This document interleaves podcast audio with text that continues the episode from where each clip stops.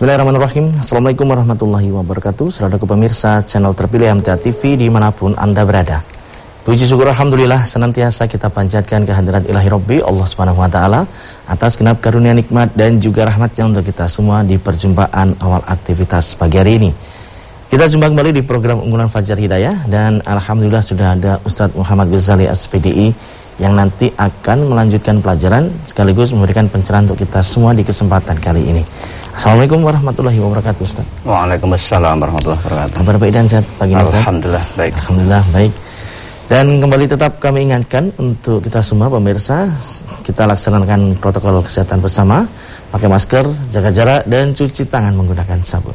Anda bisa bergabung bersama kami nanti di line telepon yang sudah kami siapkan di 02716793000 SMS dan juga di WA kami di 08 11 255 3000 kita simak pelajaran kita kali ini. Silakan.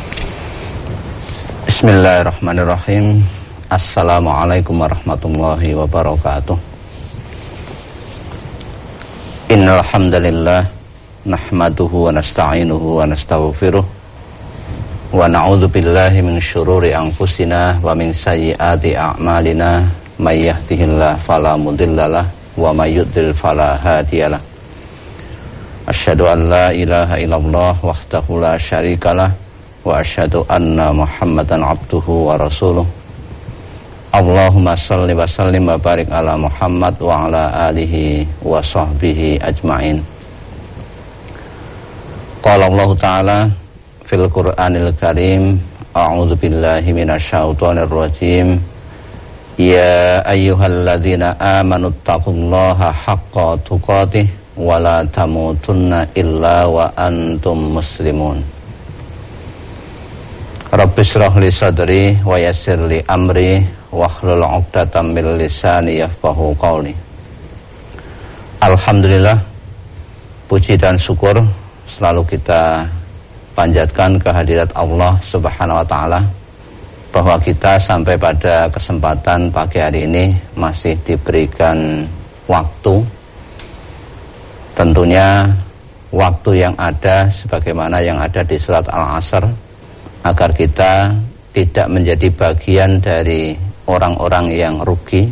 Waktu itu digunakan untuk amanu wa amilus solihat. Kita mempertebal keimanan kita kepada Allah. Setelah kita beriman, kita yakin, kita mantap, tentunya sebagai bentuk buah daripada iman adalah dengan melakukan atau mengerjakan amal soleh.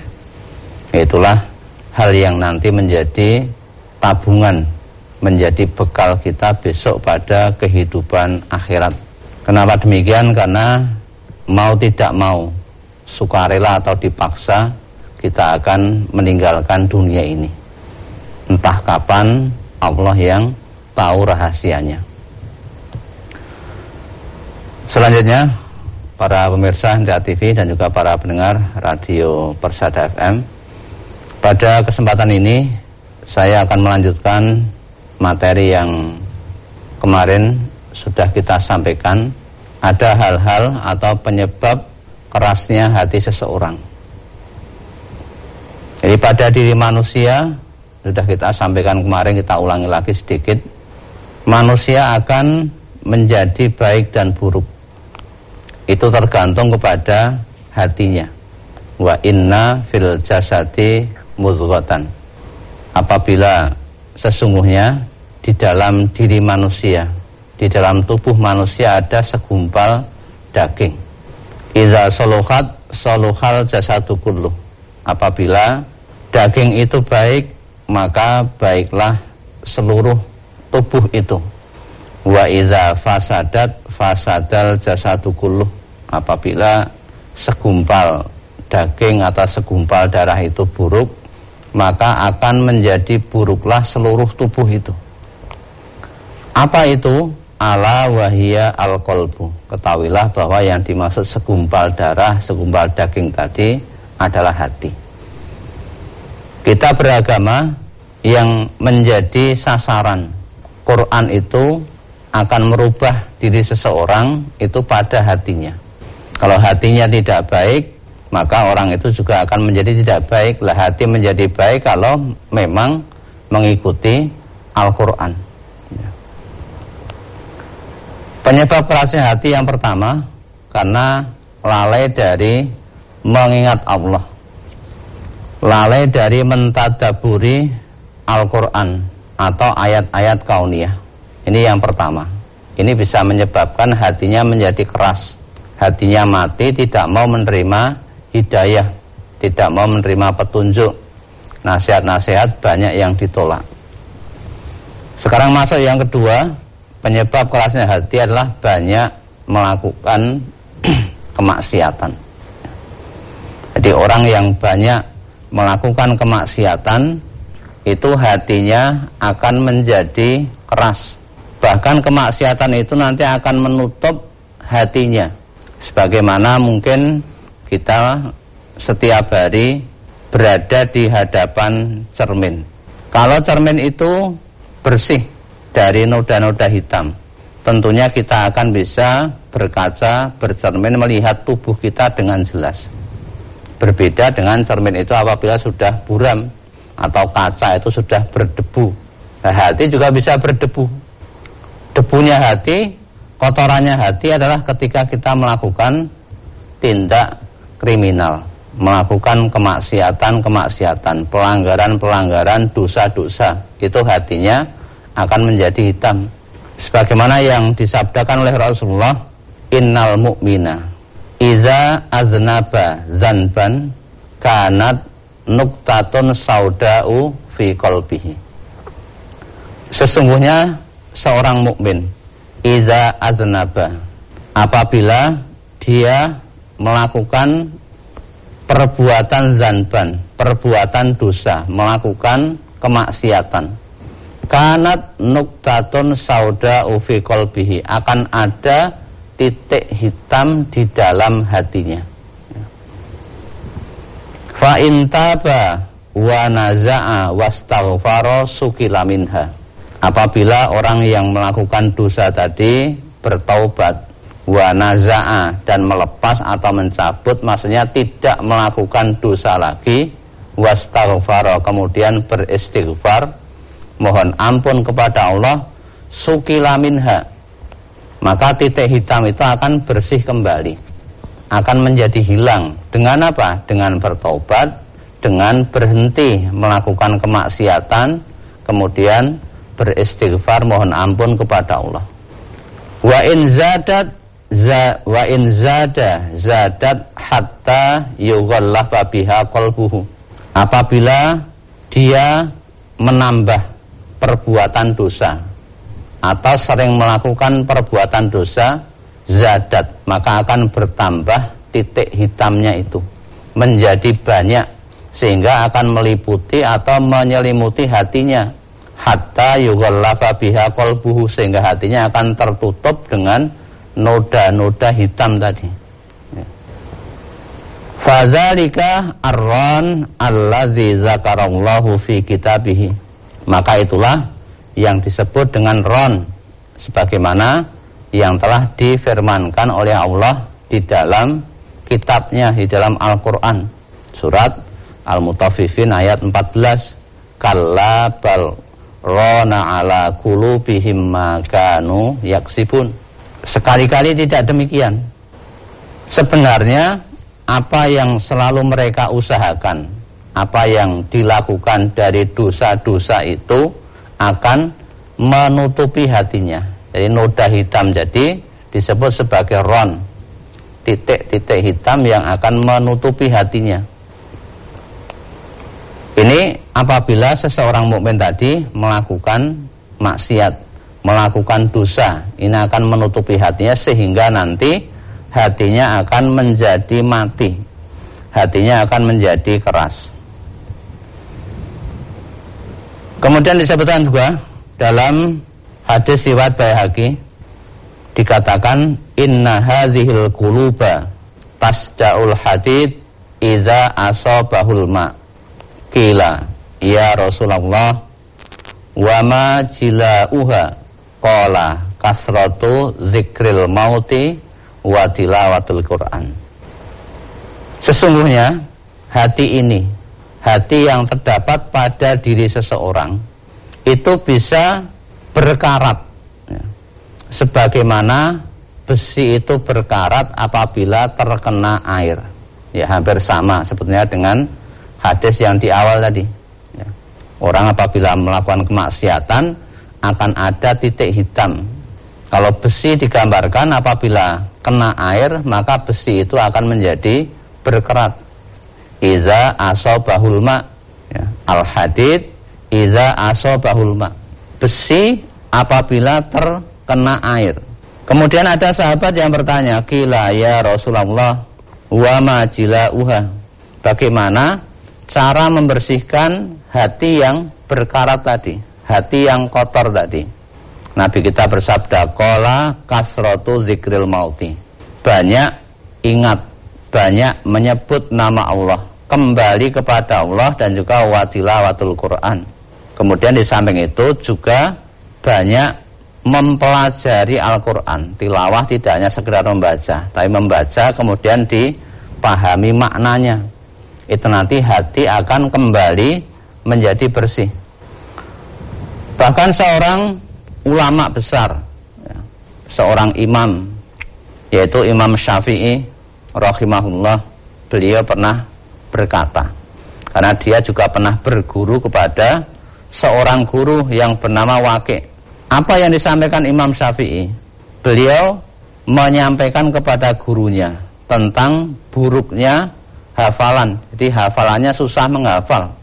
Padahal Imam Syafi'i itu sudah hafal Al-Quran sejak kecil. Lah beliau menyampaikan mengadu kepada gurunya syakautu ila su'ahifzi. Aku pernah mengadukan kepada waqi' gurunya Imam Syafi'i. Apa yang diadukan su'ahifzi mengenai buruknya hafalanku, jeleknya hafalan kok menghafal kok susah itu kenapa? Maka gurunya memberikan arahan, memberikan petunjuk fa'arsyadani ila tarkil ma'asi Wakil tadi menyampaikan, memberitahukan kepadaku, kepada Imam Syafi'i supaya apa? Supaya meninggalkan kemaksiatan. Jadi perbuatan dosa itu harus ditinggalkan karena akan menyebabkan buruknya hafalan. Kemudian digambarkan fa'ah baroni bi annal ilma nurun. Gurunya yang bernama Wakil tadi mengilustrasikan bahwasanya ilmu itu diibaratkan digambarkan seperti cahaya wa nurullah la yuhda li'asi dan cahaya Allah ilmu Allah itu tidak akan diberikan kepada ahli maksiat kepada orang yang sering berbuat maksiat. Maka tentunya kita perlu mengoreksi kepada diri kita masing-masing. Barangkali kita hafalannya buruk susah untuk memahami mungkin kita masih melakukan kemaksiatan-kemaksiatan, melakukan dosa-dosa walaupun kecil. Kemudian ada juga ulama yaitu Imam Al-Haris Al-Muhasibi, beliau pernah berkata, "Iklam ya ahi, ketahuilah wahai saudaraku, an-nadzunuba turisul ghaflah." Bahwasanya dosa itu orang yang melakukan dosa akan mengakibatkan al-ghaflah, menyebabkan kelalaian. Wal ghaflatu turisul qaswah. Kelalaian itu akan mengakibatkan kerasnya hati. Hati seseorang menjadi keras karena lalai dari mengingat Allah, lalai dari beribadah kepada Allah, lalai dari mentadaburi Al-Qur'an Wal qaswatu turisul bu'da minallah. Kerasnya hati seseorang itu akan mengakibatkan jauhnya dari Allah. Karena lalai dari ingat kepada Allah, hatinya keras. Kemudian wal bu'da minallah turisun nar. Orang yang jauh dari Allah maka akan mengakibatkan dia disiksa di dalam neraka wa inna ma yatafakkaru fi hadhil ahya hanya saja yang memikirkan tentang hal ini adalah orang-orang yang masih hidup ya, diingatkan iklam ketahuilah ya, pahamilah bahwa orang yang berbuat dosa tadi akan mengakibatkan dia lalai, lengah. Kalau dia lalai akan menyebabkan hatinya mati. Kalau hatinya mati akan menyebabkan jauh dari Allah. Kalau jauh dari Allah akan menyebabkan dia masuk neraka. Wa amal amwat fakot amatu angfusahum bihubbid dunia. Adapun orang-orang yang sudah mati berarti dia telah mematikan diri mereka dengan mencintai dunia. Maksudnya orang yang telah berbuat dosa tadi dia tidak bertaubat kepada Allah terlanjur mati berarti matinya adalah mati yang suul khotimah karena terlalu mencintai dunia tadi ya. sehingga lalai dari mengingat Allah maka kita oleh Allah dituntunkan untuk membaca doa yang kita sudah sering baca nah, sudah hafal Rabbana la tuzigh qulubana ba'da idh hadaitana wa hab lana min ladunka rahmah innaka antal wahhab. Ya Tuhan kami, janganlah Engkau jadikan hati kami condong kepada kesesatan. Kita mohon kepada Allah jangan sampai hati kita condong kepada hal-hal yang buruk. Ba'da idh hadaitana, sesudah Engkau memberikan petunjuk kepada kami. Nah caranya bagaimana? Ya tentunya kita banyak ingat kepada Allah supaya tidak condong kepada kemaksiatan. Banyak mentadaburi Al-Quran. Ya, meninggalkan perbuatan dosa. Wahab lana millatungka rahmah innaka antal wahab. Dan karuniakanlah kepada kami rahmat dari sisimu. Sesungguhnya engkau adalah maha pemberi karunia. Ya, di samping kita juga tadi menjauhi perbuatan dosa apabila sudah terlanjur bertobat kemudian tidak mengulangi kemudian kita banyak beristighfar kita juga banyak berdoa agar jangan sampai hati kita dicondongkan untuk melakukan pelanggaran dan kemaksiatan ya saya kata dulu ya. Baik pemirsa, kami harapkan Anda bisa bergabung bersama kami di line telepon 02716793000. SMS dan juga DWA kami di 08 11 255 Namun sebelumnya kita akan simak beberapa informasi dalam rangkaian jeda pariwara berikut ini. Baik saudara pemirsa channel terpilih MTA TV di mana pun Anda berada, terima kasih Anda masih setia bersama kami khususnya di program unggulan Fajar Hidayah di kesempatan pagi ini. Kami persilahkan di line telepon 6793000 untuk bisa bergabung. Halo, Assalamualaikum. Waalaikumsalam warahmatullahi wabarakatuh. Dengan siapa di mana Ibu? Mohon Ibu Umar dari Ranggun. Ya, silakan Ibu Umar. Assalamualaikum Ustaz. Waalaikumsalam warahmatullahi wabarakatuh. Silakan Ibu. Eh, ini Ustaz, sesuai yang diterangkan Ustaz tadi. Ya, masalah atau problem atau masalah yang tidak enak itu Ustaz. Itu sesuatu itu Ustaz. Terima kasih. Kurang begitu Halo Ibu, jelas, Ibu, Ya. Ibu. Coba diulangi. Tolong diulang lagi pelan-pelan. Kalau sesuai yang diterangkan Ustaz tadi, seumpamanya masalah atau problem atau hati yang tidak enak itu Ustaz. Terus melakukan sholat dua rakaat itu Ustaz. Terima kasih. Assalamualaikum warahmatullahi wabarakatuh. Waalaikumsalam warahmatullahi wabarakatuh. Gimana tadi? Bisa menangkap enggak? Baik. Jadi waktu Ibu tadi menyampaikan beberapa kata dalam kalimat itu ada suara gangguan di sini sebagian kita cuma dengarnya dua rakaat di terakhir Oh, iya. ya, ya. Oleh sebab itu nanti Ibu Umar silakan bisa bergabung kembali. Disampaikan mungkin cari sinyal yang lebih jernih begitu ya, tidak Ya. ada gangguan suara feedback lainnya.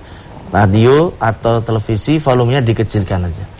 Baik, berikutnya. Halo, Assalamualaikum.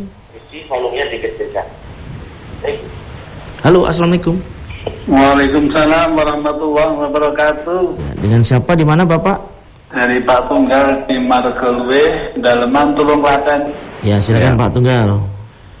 Eh, saya mau tanya itu mengenai bayar zakat itu yang ini ya Ustaz yang eh, kerja yang anu tiap hari enggak anu itu sekarang dapat besok dapat enggak dapat besok dapat enggak dapat tadi ya bayar itu apa ini ya kalau dapat dipotong atau nunggu satu bulan full gitu baru di eh, pakai zakatnya Ustaz ya Ya. Eh, itu aja, makasih. Assalamualaikum. Waalaikumsalam warahmatullahi wabarakatuh. Tentang masalah zakat, jadi Allah berfirman wa mimma razaqnahum yunfikun. Dan sebagian dari apa yang telah direzekikan oleh Allah itu mereka menginfakkan. Ya. Bisa diartikan di sini mengeluarkan zakatnya. Jadi di MTA itu yang diambil adalah jiwa zakatnya. Kita lebih berhati-hati. Memang nisab itu ada, hal itu ada. Kita tidak menolak nisab, tidak menolak hal. Tetapi kita lebih berhati-hati karena apa? Tujuan zakat itu salah satunya di antaranya adalah mensucikan harta dan jiwa kita. Karena di dalam harta kita itu ada hak-hak orang-orang yang disebutkan di dalam surat At-Taubah ayat 60 itu. Ya. Ada fakir, miskin, amil, kemudian mu'alaf, budak, gorem, kemudian Ibnu Sabil fi sabilillah. Itu ada hak-hak delapan asnaf yang itu pada ada pada harta kita. Maka sebisa mungkin secepat-cepat agar mereka juga mendapatkan manfaat dari harta yang dititipkan oleh Allah kepada kita, kita mengeluarkan zakatnya. Daripada nanti dikumpulkan satu bulan, karena kadang dapat, kadang tidak, kadang dapat, kadang tidak, atau dapat, dapat tidak. Itu biar kita tidak lupa ya sudah. Hari itu kita dapat berapa? Misalnya sehari kita dapat taruhlah 60 ribu atau 100 ribu. Ya berarti dikeluarkan zakatnya. Nah, berapa zakatnya 100 ribu itu? Ya 2500. Nah, dimasukkan ke uh, tempat tertentu. Kemudian besok juga dapat lagi disimpan lagi di tempat tertentu. Nah, sehingga nanti ketika sudah agak banyak ya dikumpulkan, distorkan kepada pengelola zakat. Itu tujuannya agar betul-betul di dalam harta kita itu bersih ya. Bersih hartanya juga termasuk bersih jiwanya dari sifat-sifat kikir, sifat-sifat yang pengen menguasai e, harta yang kita miliki. Karena ketika terkumpul banyak nanti setan bisa menjadikan hati kita uh, untuk memakai uang itu. Padahal itu bukan uang kita. Uang yang dititipkan oleh Allah lewat kita. Nah tentunya kita salurkan kepada eh, mereka-mereka uh, yang berhak untuk menerima. Ya. Ya baik. Kita beralih di pertanyaan WA Ustaz ya. Dari Pak Heri yang pertama Pak Heri di Riau menanyakan tentang mandi janabah Ustaz. Setelah selesai berwudu apakah kita membaca doa sesudah wudu itu atau membacanya sesudah mandi Ustaz? Mandi janabat itu ada satu e, rangkaian ya. tidak sebagaimana kita e, melakukan wudhu biasa. Jadi ada tata caranya yang harus dipenuhi. Apa dulu yang harus dilakukan kita mencuci kedua tangan. Biar tangan kita bersih kemudian membasuh mencuci e, kemaluan. Nah baru nanti ada urutannya lagi kita berwudu. Nah, berwudu setelah itu nanti ada rangkaiannya lagi. Apa?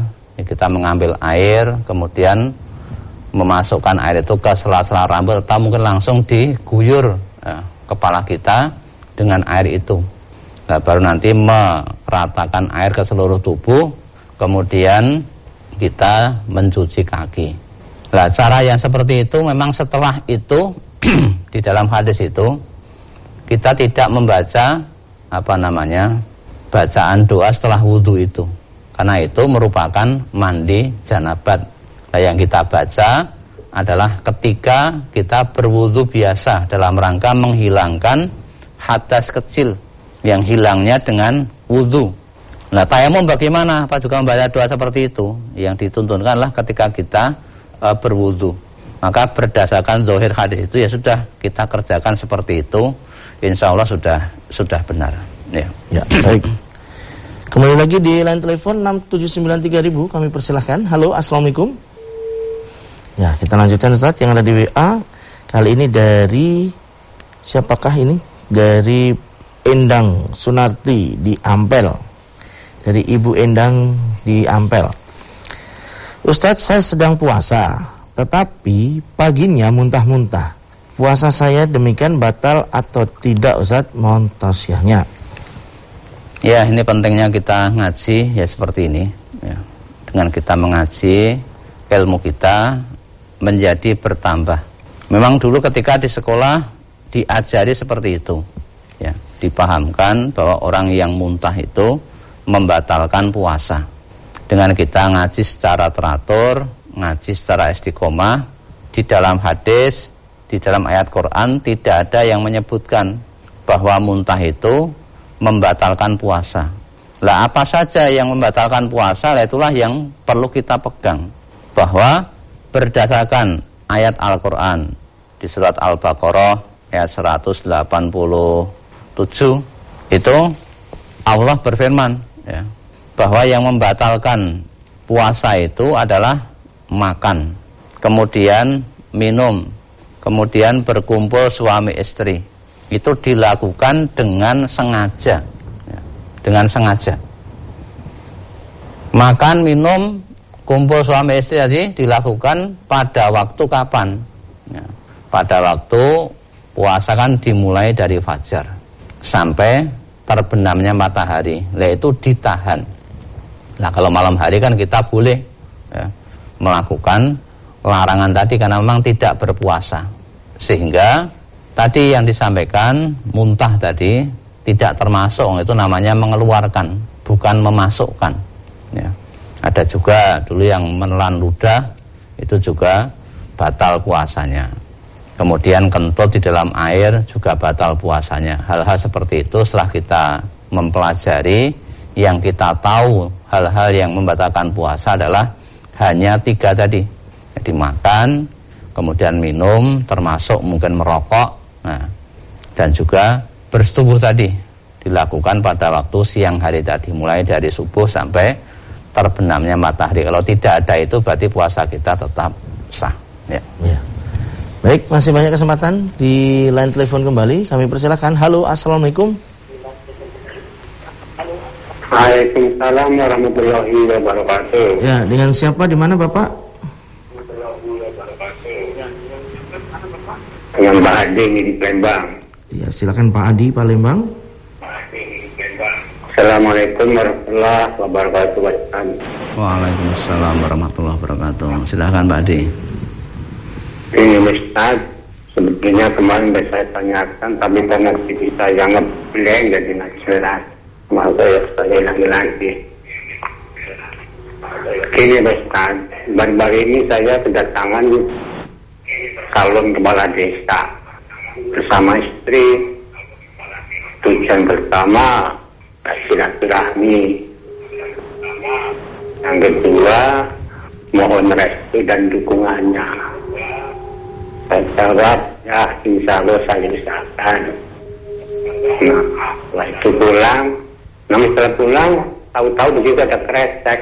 Isinya gula kopi roti teh. Nah kalau saya uangkan sembilan lima puluh ribu. Yang saya tanyakan, apa itu rezeki yang harus kita zakati Pak? Yang kedua, kalau itu apa itu surat, bagaimana kalau saya uang, saya uangkan, saya masukkan ke kotak amal masjid? Mohon penjelasannya. Terima kasih. Wassalamualaikum warahmatullahi wabarakatuh. Waalaikumsalam warahmatullahi wabarakatuh. Ya, kalau tadi berupa uh, makanan ya sudah kita makan saja. Ya, kalau memang makanan itu adalah halal, ya. karena hakikatnya kan dia memberi suatu pemberian, ya sudah kita terima saja. Lah dizakati atau tidak, ya, hal-hal yang seperti misalnya tidak dizakati juga tidak apa-apa. Misalnya kalau kita mau menzakati ya boleh-boleh saja. Ya tetapi memang itu tidak ada kewajiban untuk kita mengeluarkan zakatnya. Nah tentang nanti memilihnya siapa, yaitu hak kita. Karena yang namanya pemilu itu memiliki asas luber, langsung, umum, bebas, dan rahasia. Ya terserah kita yang memilih. Tentunya bagi orang Islam, memilih ya orang yang memiliki akhlak yang baik, memiliki agama yang baik di samping memiliki kecakapan di dalam mengatur pemerintahan yang ada di desa itu. Nah, siapa di antara mereka calon-calon tadi yang paling baik? Kita kan tentunya kalau orang situ akan mengerti tentang si A, si B itu siapa. Nah, yang kita pilih yaitu. Walaupun kita diberikan hadiah, kalau tidak ada janji atau ucapan kamu milih saya ya, ya itu ya udah kita terima juga tidak apa-apa apalagi wujudnya hanya berupa uh, makanan tadi mungkin gula, teh dan sebagainya. Ya. ya. Kita beralih lagi di WA dari Bapak Hasan di Demak. Ustadz, apakah kalau ikomah boleh sholat sunnah qabliyah di rumah, kemudian berjamaah di rumah Ustadz? Mohon tausiahnya sebaik-baik sholat bagi laki-laki itu adalah di masjid. Ya. Tapi kalau sholat sunnah memang sebaiknya sebaik-baik sholat seseoranglah di rumahnya kecuali sholat wajib. Apabila sudah dikumandangkan ikomah maka tidak ada sholat. Lah kecuali ya sholat wajib tadi. Kita mendatangi yang wajib.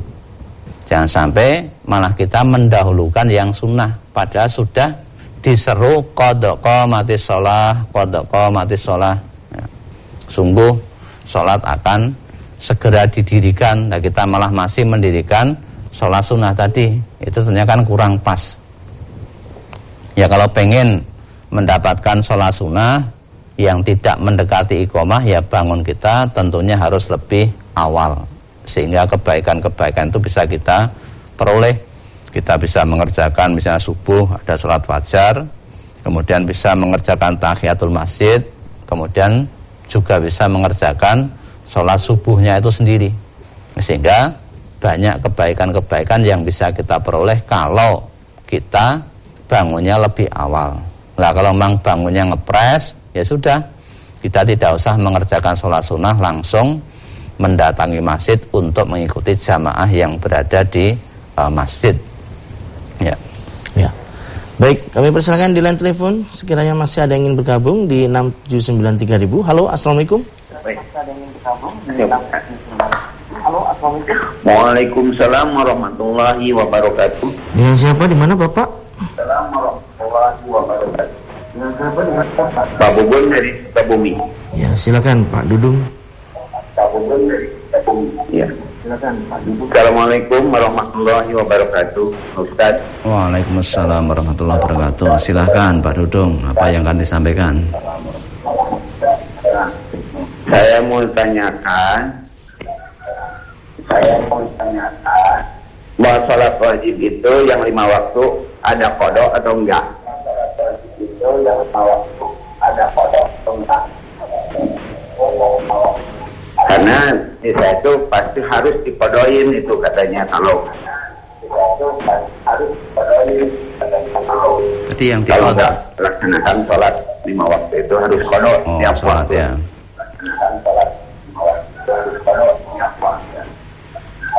Nah, gitu aja. Assalamualaikum ya. warahmatullahi wabarakatuh. Waalaikumsalam warahmatullahi wabarakatuh. Ya, tentang masalah kodok atau ganti daripada sholat Tinggal penyebabnya apa. Kalau penyebabnya misalnya ada seorang perempuan yang datang bulan selama 6 atau 7 hari. Selama itu pula perempuan itu kan tidak melakukan sholat. Lah adakah kodok bagi perempuan tadi? Nukmaru bikozo isaum wala nukmaru bikozo isolah. Kami memerintahkan kepada umatnya Nabi Muhammad ya, Nabi bersabda supaya mengganti puasa tetapi tidak diperintahkan untuk mengganti sholat itu bagi perempuan yang sedang haid atau menstruasi lah bagi kita orang yang mungkin yang laki-laki karena lupa atau tertidur Solusinya bagaimana ketika kita mungkin e, tertinggal dua sholat, ya.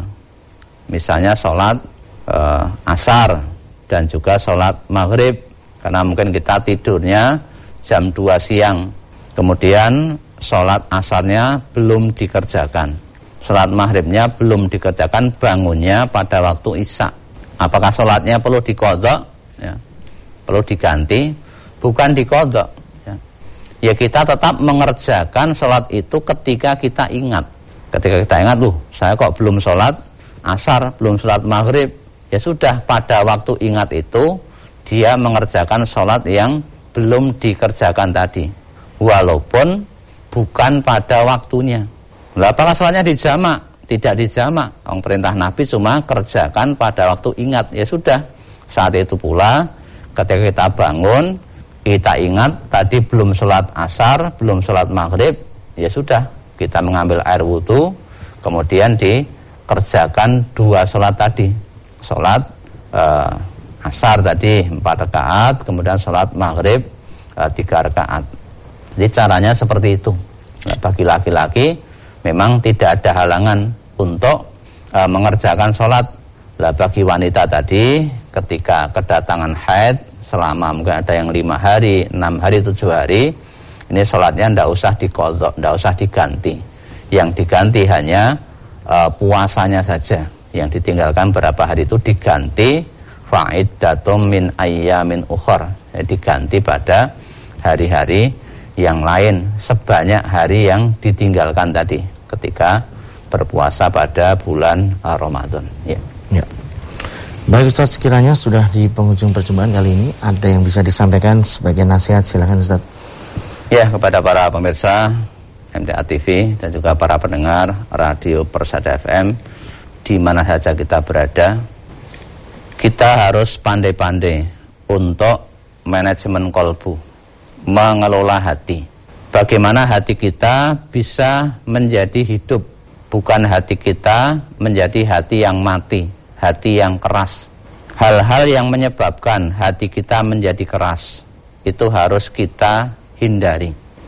Karena ketika hati kita keras akan menjadikan seluruh tubuh kita akan menjadi rusak. Rusaknya banyak melakukan kemaksiatan-kemaksiatan. Banyak melakukan pelanggaran-pelanggaran. Maka penyebab koswatul kulub, penyebab hati kita menjadi keras, hati kita menjadi mati itu harus dihindari. Tadi sudah kita sampaikan yang kedua tadi adalah karena banyak melakukan kemaksiatan-kemaksiatan. Banyak melakukan perbuatan dosa. Itu harus dihindari. Karena orang Islam itu apabila dia melihat dosa itu digambarkan seperti orang yang berada di bawah tebing. Sedangkan banyak ilustrasi itu. Ya, ada tebing yang tinggi, tahu-tahu tebing itu longsor. Tentunya orang yang berada di situ kan takut, lari. Jangan sampai nanti kita keruntuhan tebing tanah bebatuan yang ada itu yang menyebabkan mati. Nah, begitu juga orang mukmin apabila dia melihat dosa itu menjauh, tidak melakukan. Jangan sampai nanti keruntuhan dosa yang menyebabkan dia juga mati. Mati apa? Mati hatinya. Sehingga tidak mau menerima nasihat tidak mau e, menerima kebenaran-kebenaran, nasihat orang akan diabaikan, bahkan akan menolak, bahkan juga bisa menjadi orang yang sombong, menolak kebenaran dan merendahkan manusia karena banyaknya melakukan tindak perbuatan dosa tadi. Ya, saya kira itu. ya. Kami sampaikan terima kasih Ustaz. Assalamualaikum warahmatullahi wabarakatuh. Waalaikumsalam warahmatullahi wabarakatuh. Baik, saudaraku pemirsa channel terpilih MTA TV di mana pun Anda berada.